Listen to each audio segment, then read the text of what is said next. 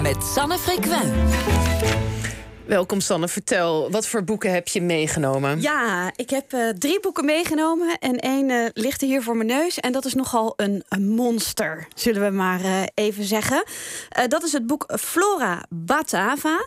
In 1798 stond er een advertentie in de oprechte Haarlemse Courant... voor de Flora Batava behelzende ene afbeelding en beschrijving... van alle in ons vaderland of de Bataafse Republiek zich bevinden de planten en kruiden. En dat is eigenlijk wat dit is. Het is een botanisch overzichtswerk, wat verscheen in 461 losse afleveringen. Dus het was echt een monnikenwerk. Het wordt ook wel beschreven als een kathedraal, waarin veel mensen aan hebben uh, bijgebouwd. waarin um, uh, 2630, geloof ik, planten beschreven zijn. En het is prachtig. Het is dik. Het is meer dan 900 pagina's. En er staan prachtige afbeeldingen staan erin van de planten die in ons land groeien en bloeien. Ja, want ik bedoel, je bent hier om nieuwe boeken te recenseren. Ja, maar, dit is een oud dit boek. Is, dit is ja, een heel oud ja, boek ja, waar ze dus een prachtige facsimile van hebben gemaakt, zoals dat heet. exact. Ik zie het inderdaad liggen. Dus het, het, het ziet er ook uit alsof. Uh, nou ja, het zijn gewoon allemaal prachtige oude prenten ja, van, planten van, planten en bloemen. Ja, en ik uh, sloeg hem open en toen kwam er gelijk een jeugdtrauma van mij kwam erboven. Want ik heb hem hier open liggen bij het prachtige plantje teer uh, guigelhel. En um, dat illustreert denk ik wel hoe wij eigenlijk toch wel verbonden zijn met die plantenwereld. Ik moest op de middelbare school moest ik een herbarium maken. Dat moest uh, toen nog in de eerste klas van, van biologie. En ik deed dat samen met mijn opa. Mijn opa was een zeer gepassioneerd botanist. En dus wij gingen samen in Meijendel op zoek naar die mooie planten. En ik deed het natuurlijk niet voor een paardenbloem. He, dus uh, mijn opa sprong op en die zei: Oh, daar groeit teerguigelhel. En de botanisten onder ons weten gelijk dat het toen gigantisch misging. Want die is namelijk hartstikke beschermd. Dus ik had mijn, mijn herbariumpje heel mooi gemaakt en ingeleverd. En toen kreeg ik dus een dikke vette onvoldoende kreeg ik terug. Want ik had een beschermde plant toegevoegd. Oh. Dus ik had uh, beter, moeten, uh, beter moeten lezen. En dat verhaal is eigenlijk uh, een verhaal wat laat zien waarom dit zo'n leuk boek is. Want het is niet heel veel. Het is niet alleen maar een verzameling plaatjes. Maar er staan ook ontzettend leuke korte essays in van uh, schrijvers die uh, bespiegelen.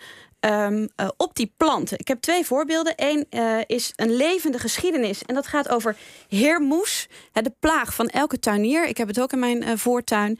Um, ik haat het, want het is moeilijk uit te roeien. Alleen er staat hier een prachtig verhaal van Roderick Bouwman. En Roderick Bouwman die schrijft dat dit eigenlijk een plant is... die sinds de prehistorie onaangepast is. Er groeide, groeide bij ons in de prehistorie schijnbaar heermoes van 20 meter hoog. Nou, daar kan ik nachtmerries van krijgen.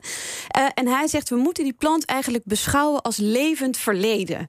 Nou, dan kan ik ook beter omgaan met die, met die heermoes in mijn voortuin. Als ik er op die manier naar kijk. Een stukje, en, stukje traumaverwerking ook. Een stukje, ja. stukje traumaverwerking. Ik, ik, denk dat we nog heel snel, want we hebben nog een paar minuutjes maar. En je hebt nog twee boeken liggen. Ja, dus um, ja, nou, ja, dit nou, boek moeten het, mensen sowieso kopen. Ik ga dat is lezen duidelijk. en er is ook een tentoonstelling uh, in het Huis van het Boek tot 3 september, uh, waarin uh, nader naar dit boek wordt gekeken.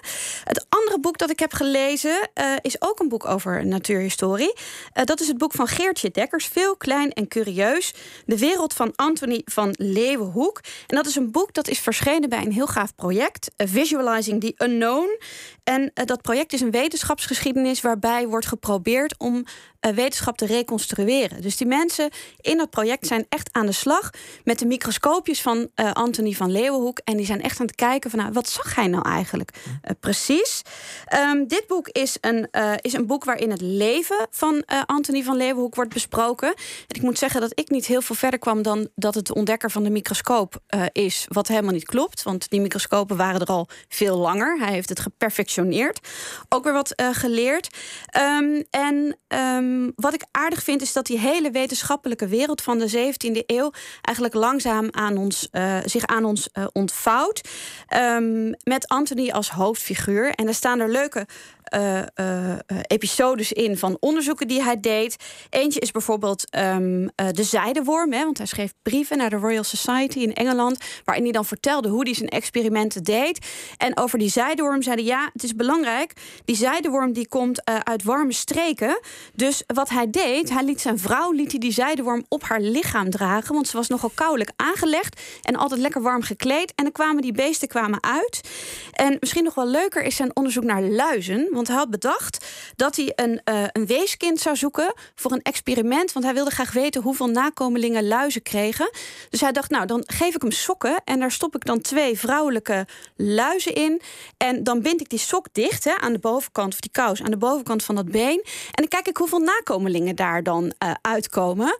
En, en, hoe zat het met het wisten de weeskinderen dit? Wat hij met nou, aangedaan? Uiteindelijk uh, loopt het verhaal loopt goed af. Want hij bedenkt dat het misschien toch een beetje faalgevoelig is. En hij zegt ook: het zou ook jammer zijn om die ellendige wezen die al zoveel geplaagd worden door die luizen hier aan bloot te stellen. Dus hij doet het uiteindelijk bij zichzelf. Oké, gelukkig. En um, nou ja, eh, de ene luis legde ongeveer 50, uh, uh, bracht 50 jonge luizen voor.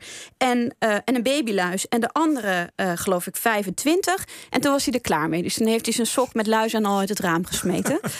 um, dus nou, echt, echt een, leuk, een leuk boek waarin je gewoon ziet hoe die man, hoe dat hoofd van die man werkte en hoe hij zich verhield tot de, tot de andere wetenschappers. Echt een aanrader. En dat was dus van Geertje Dekkers, hè? Geert, veel... nee, oh. ja, Geertje Dekkers. Ja, veel, klein, klein, en, curieus. en curieus. Van uitgeverij Spectrum.